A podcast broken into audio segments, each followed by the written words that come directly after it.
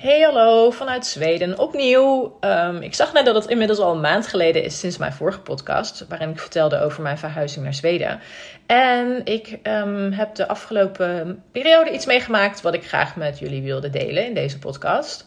Ehm, en ik ga het vandaag hebben over een uitspraak uit het Amerikaanse leger, namelijk embrace the suck. Oftewel, omarm het ja, wat is zak? Hoe zou je dat kunnen vertalen? Ik heb natuurlijk niks voorbereid. Ik weet alleen dat ik hierover wilde gaan praten. Maar omarm de kutsituatie, denk ik. En ehm, ik uh, ben uh, vorige week uh, teruggekomen van een trektocht door de Zweedse wildernis. En dit is denk ik een van de fysiek zwaarste trektochten die ik ooit heb gelopen. Ondanks dat het een van de makkelijkste trektochten van noorden van Zweden is. Nou, hoe dat kan en wat ik daar, ja, daaraan gedaan heb en hoe dat is ontstaan, uh, ga ik jullie in deze podcast vertellen. Um, en mijn doel is met deze podcast om eigenlijk te laten zien dat je heel makkelijk iets kan gebeuren waardoor een situatie heel anders wordt. En dat je eigenlijk twee keuzes hebt. Dat je of kunt zeggen: het is kut en ik voel me kut. Of het is kut, maar ik kan er niks aan doen, dus laten we maar gewoon doorgaan. En de, de, de uitdrukking embrace the suck heb ik eerder gehoord bij de podcast van uh, Rachel Hollis, die ik al een paar jaar volg. En zij gebruikt deze uitspraak regelmatig. Volgens mij heeft ze hem zelfs ook op haar arm getatoeëerd. En ik was hem een beetje uit het oog verloren. Of uit het. Uit, ja, nou ja, goed. Hij was een beetje op de achtergrond. Uh, verdwenen. En toen uh, was ik vorige week op die trektocht en daar heb ik een, uh, een, een, stel Zweedse dames ontmoet van, van mijn leeftijd.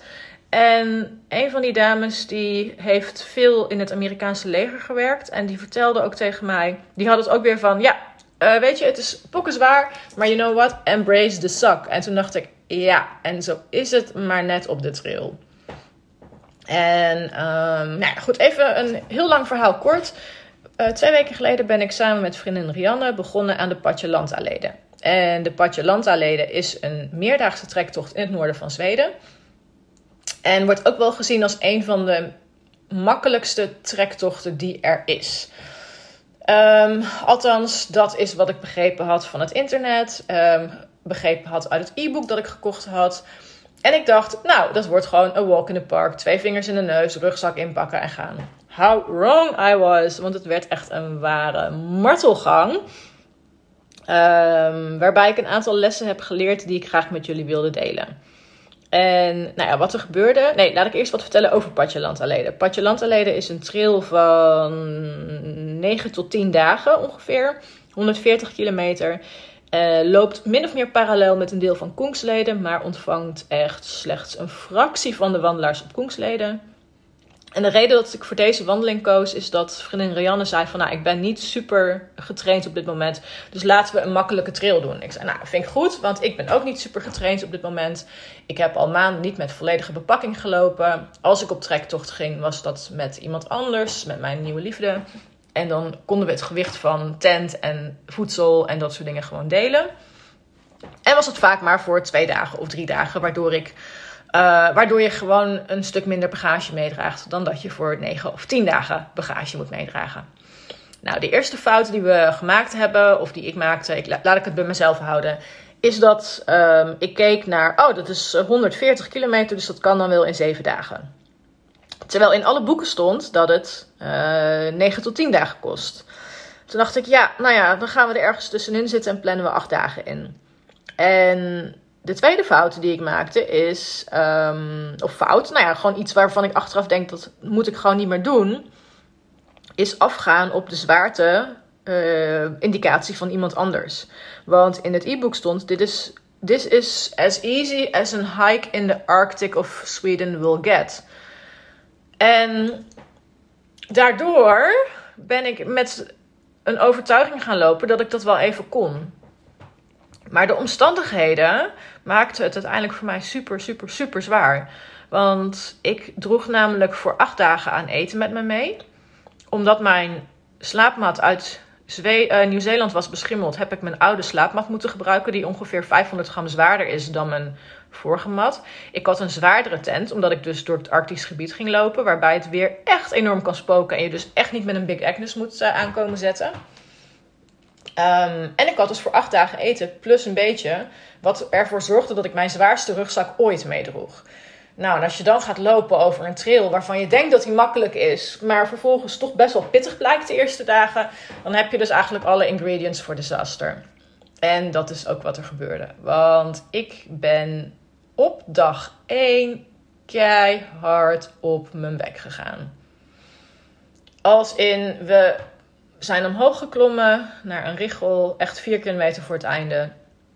En dat was een heel smal paadje door een ja, soort van Alpenweide omhoog. Slecht onderhouden. En ik heb mijn voet iets te veel naar links verplaatst, waardoor ik hem dubbel geknakt heb en hij dus van het pad afschoot. En ik ben meteen op de grond neergevallen en ik zei tegen Rianne, kut, dit is niet goed. Dit voelt niet goed. Dit doet zoveel pijn. En ik had gewoon mijn hoge schoenen aan. Ehm, maar ik voelde dit is niet goed. Um, dus ik heb mijn schoen uitgetrokken gekeken. Nou ja, het lijkt niet gebroken. Of misschien ja, is het wel gekneusd. Dat weet ik dus niet. Ehm, maar ja, feit is dat het ongelooflijk veel zeer deed. En dat ik dacht, ja, en nu? Dus ik heb pijnstellers erin gegooid. En uh, ja, want we stonden op een berg. Um, en ingesmeerd met arnica zalf. En uh, nou ja, toen zijn we nog vier kilometer verder gelopen naar de kampeerplek. Ik was helemaal back af. We waren die nacht al vanaf vijf uur s morgens op hadden al een uur of uh, vier in de bus gezeten, een boottocht gemaakt, uh, eh, 14 kilometer gelopen. Nou, ik was helemaal af.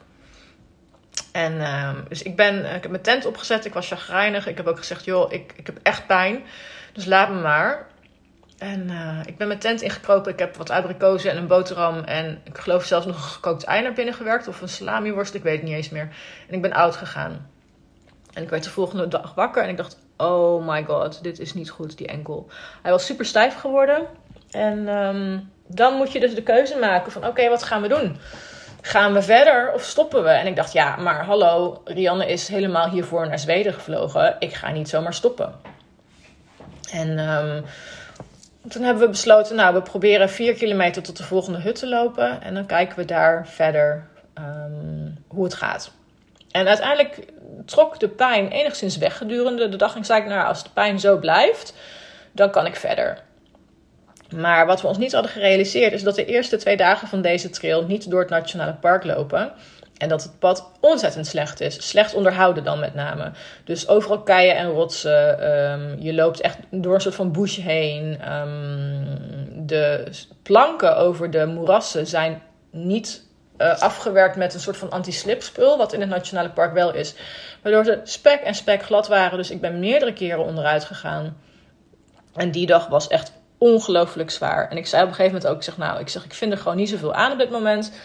Maar wacht even, het landschap is wel prachtig. En gelukkig kwamen we op de avond van dag 2 kwamen we vier wandelaars uit de, uit de tegemoetkomende richting tegen. En die zeiden tegen ons: um, het is nog vier kilometer tot aan de nationale parkgrens. En daarna wordt het pad veel beter. En dat is echt wat, men, wat me gemotiveerd heeft om verder te gaan. Uh, en de volgende dag was het inderdaad vier kilometer ploeteren. En toen kwamen we ineens in een prachtig landschap. En uh, toen was alles oké. Uh, landschap en padwise gezien. Maar ja, mentaal zat ik nog steeds met een enkel die heel veel pijn deed. En op een of andere manier ben ik ook vanaf dat moment heel veel vocht gaan vasthouden. Oftewel, ik weet niet wat er gebeurde, maar um, twee dagen later kon ik mijn wandelschoenen niet meer aan. Of mijn hiking boots, want het waren mijn hoge wandelschoenen. Um, dus ik heb uh, elke dag pijnstillers genomen in de ochtend. Een cocktail van paracetamol en ibuprofen. Ik heb gesmeerd en ik heb gekoeld. Um, en ik ben gewoon verder gaan ploeteren.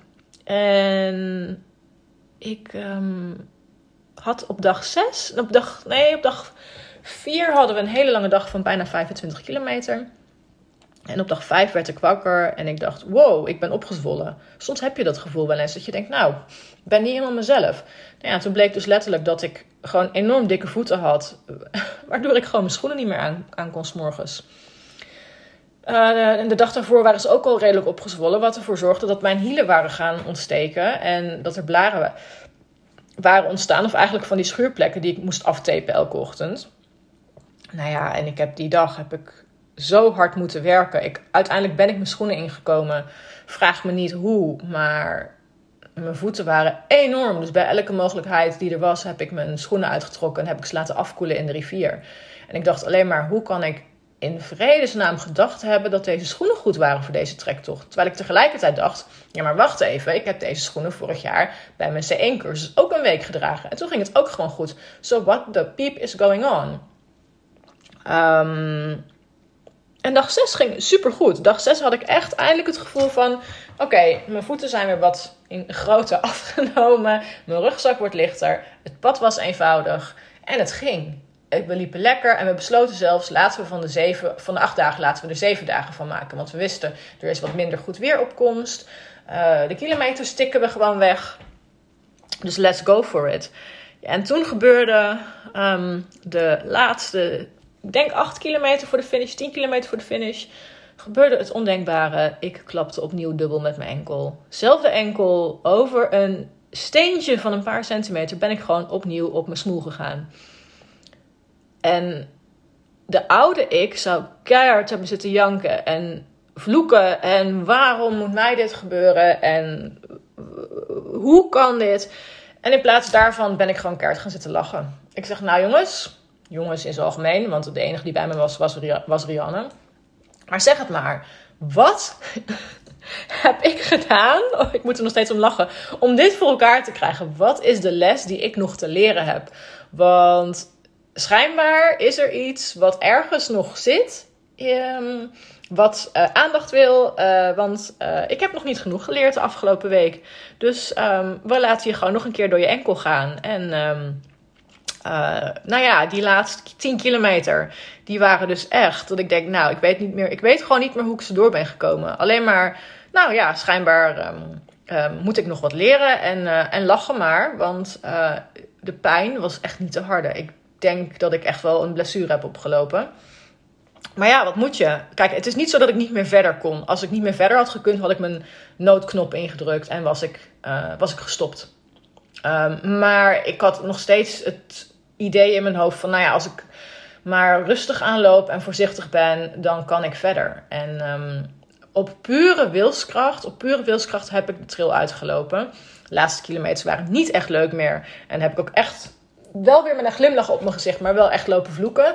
Want ja, ik dacht, ik kan maar beter gewoon het, de, de situatie omarmen zoals die is. In plaats van alleen maar gaan lopen vloeken en huilen en tieren. Want daar bereik je uiteindelijk ook geen klap mee. En um, uh, echt ergens halverwege kwamen we dus uh, die dames tegen. Um, ze heten Johanna en Catharina. En Johanna zei op dat moment, en ik vond het zo treffend. You know what? Want zij had het ook heel erg zwaar gehad op de trail, een paar dagen. Ze zei, you know what? We just have to embrace the suck. En toen dacht ik, ja, dit is zo ongelooflijk waar. Ik loop hier in een van de meest fabelachtige landschappen van Zweden. Ik word omringd door gletsjers en bergen. Ik loop in de wildernis. Ik ben met een goede vriendin op pad. Verder ben ik gezond. Ik heb eten bij me. Ik heb een tent bij me. Ik heb alles wat ik nodig heb. Ja, ik heb pijn aan mijn enkel. En ja, het doet ongelooflijk veel zeer. En ja, waarschijnlijk als ik uit deze trektocht kom, kan ik een week lang niks, omdat mijn enkel geblesseerd is. But you know what? I've got to do it with this. This is what I've got. Dus so I better enjoy it. Dus ik ben maar gewoon weer gaan genieten. En weer gekeken van oké, wat is er mooi aan deze trail? Wat is er mooi aan deze dag? En geprobeerd om toch, ondanks dat het zwaar was, vanuit dankbaarheid naar de situatie te kijken. In plaats vanuit ellende en vanuit uh, onmacht. In plaats, ja, dus in plaats van, um, van wat kan ik hiermee? En um, ik ben er nu, dus ik kan er maar beter van genieten. Um, nou ja, s'avonds kwamen we aan bij de hut, helemaal back off ik geloof dat ik ook. We zijn nog wel naar de sauna geweest. En daarna ben ik echt knock-out gegaan. Maar het was een onrustige nacht. Want het was supermaan. En er lag een snurker op onze dormitory. En um, pas een paar dagen later zag ik dat ik een enorme blauwe plek op mijn knie had. Een enorme. Echt zo'n grote blauwe plek heb ik al jaren niet meer gehad. En uh, nou ja, mijn enkel is nu een week later nog steeds pijnlijk en dik. Ik vermoed dat ik iets te weinig uh, rust heb genomen. Dus ik ga het komend weekend heel rustig aandoen. Uh, ik kan wel weer gewoon lopen, maar het doet wel zeer. Ik moet wel voorzichtig zijn. En ik ga volgende week of komende week op reis in het midden van Zweden. Ga ik ook weer een paar mooie wandelingen maken. Dus het is belangrijk dat ik nog even rustig aandoe. Maar um, ja, als ik nu kijk naar, naar hoe ik tien jaar geleden op de trail was, of eigenlijk zes jaar geleden toen ik voor het eerst in Zweden een meerdaagse trektocht liep, namelijk de Koensleden. En hoe ik er nu in sta, denk ik, ja, Embrace the Sock is maar precies net wat ik geleerd heb de afgelopen jaren. Zonder dat ik daar altijd mee bezig was. Maar um, je gaat sowieso afzien en het gaat sowieso zwaar worden. En als je dan nog een keer in een situatie be uh, belandt zoals ik, waarbij je dus twee keer door je enkel gaat en je voeten zo opgezwollen zijn dat je eigenlijk je schoenen niet meer fatsoenlijk past, waardoor je hielen gaan ontsteken, dan, um, heb je twee keuzes. En dan is de keuze heel makkelijk. Ja, ga ik, ga ik erover lopen klagen? En dat is letterlijk wat ik zes jaar geleden deed. Zes jaar geleden heb ik echt steen en been lopen klagen op Koensleden een dag. Omdat het gewoon echt niet meer ging. En ik echt moe was en ik echt pijn aan mijn voeten had. En nu heb ik daar waar mogelijk... Sorry, sorry Rianne als ik toch af en toe een beetje heb lopen zeiken. Maar um, ik heb gedacht, ja, het is sowieso een kutsituatie. Het is sowieso pijn, pijnlijk. Het is sowieso uh, niet fijn om met een kapotte enkel te lopen. Maar ja, ik kon er maar beter van genieten. En dat is wat ik gedaan heb. Um, het was zwaar, het was pittig. Maar tegelijkertijd was het ook een hele bijzondere ervaring om dit zo mee te mogen maken. Ik heb mijn grenzen verlegd. Ik heb geleerd hoe diep ik kan gaan, zowel fysiek als mentaal. En ik eh, ben er trots op dat we deze trail van 9 tot 10 dagen uiteindelijk in 7 dagen voltooid hebben. Zij het met een blauwe plek en een uh, kapotte enkel. Nou, dit is wat ik jullie wilde vertellen over Embrace the Suck. Maar ook vooral um, wilde laten weten dat um, ook ik het heel regelmatig heel zwaar heb op een trail. Dat het dus niet zo is dat als je een uh, ervaren wandelaar, be wandelaar bent, dat je het nooit zwaar hebt dat je uh, als ervaren wandelaar ook gewoon je, je mentaal zware momenten hebt, maar ook fysiek. Dat ook ik niet um, onaantastbaar ben, dat ik ook gewoon val en struikel en suffe dingen doe, waardoor mijn trail ineens heel anders eruit ziet dan dat ik me voor had genomen, of zoals ik het in mijn hoofd had. En um, dat het eigenlijk gewoon helemaal oké is om het zwaar te hebben op een trail en om af en toe heel erg hard te moeten ploeteren. Um, in de mooie natuur van Zweden of waar je ook een trektocht maakt. Nou, dit is wat ik met jullie wilde delen. Misschien heb je er wat aan als je op de trail loopt. Misschien denk je, oh wacht even, het is dus oké dat ik me zo voel. Laat het er maar gewoon zijn. Misschien denk je, ik kan er helemaal niks mee. Dat is ook prima natuurlijk. Um, maar ik wilde gewoon deze gedachten even met jullie delen. Omdat ik het belangrijk vind om ook de schaduwkant van het hiken te laten zien. En niet alleen de mooie foto's die je op Instagram ziet. Nou, ik ga hem afronden. Ik ga deze podcast zo meteen uploaden, zodat jullie hem lekker kunnen luisteren, uh, mocht je deze zomer nog ergens gaan hiken. Um, ik wil jullie bedanken voor het luisteren en bedanken voor alle support die ik heb ontvangen uh, nadat ik had uh, laten zien op Instagram dat ik geblesseerd was geraakt. Ik um, hoop dat jullie um, nog een laatste mooie paar weken van de zomer hebben. Ik reis over een paar dagen naar Midden-Zweden en aansluitend een weekje naar Nederland. En zodra ik terugvlieg naar uh, Zweden, is mijn zomer voorbij en gaat de herfst invallen. Ik heb er aan de ene kant heel veel zin in, want het betekent dat er kans is op noorderlicht, dat de herfstkleuren mooi zijn. En um, mijn vriend en ik hebben een paar dagen voor onszelf, wat we afgelopen zomer niet hadden, omdat zijn kinderen hier waren de hele zomer. Dus ik kijk er heel erg naar uit om een paar dagen uh, met z'n twee op pad te gaan. En tegelijkertijd um, merk ik ook dat het uh, de korter wordende dagen me een klein beetje angst inboezemen op dit moment. Um, maar um, ik weet zeker met, met, mijn huis en met mijn inrichting en mijn spulletjes hier dat het uh, allemaal goed gaat komen. Wil je de podcast supporten? Dan kan dat uh, via avontuurlijkevrouwen.nl slash steun. Kun je kijken naar de opties om te doneren of een boek van mij te kopen. Of op een andere manier een bijdrage te leveren aan de podcast. En voor nu bedankt voor het luisteren en tot de volgende keer.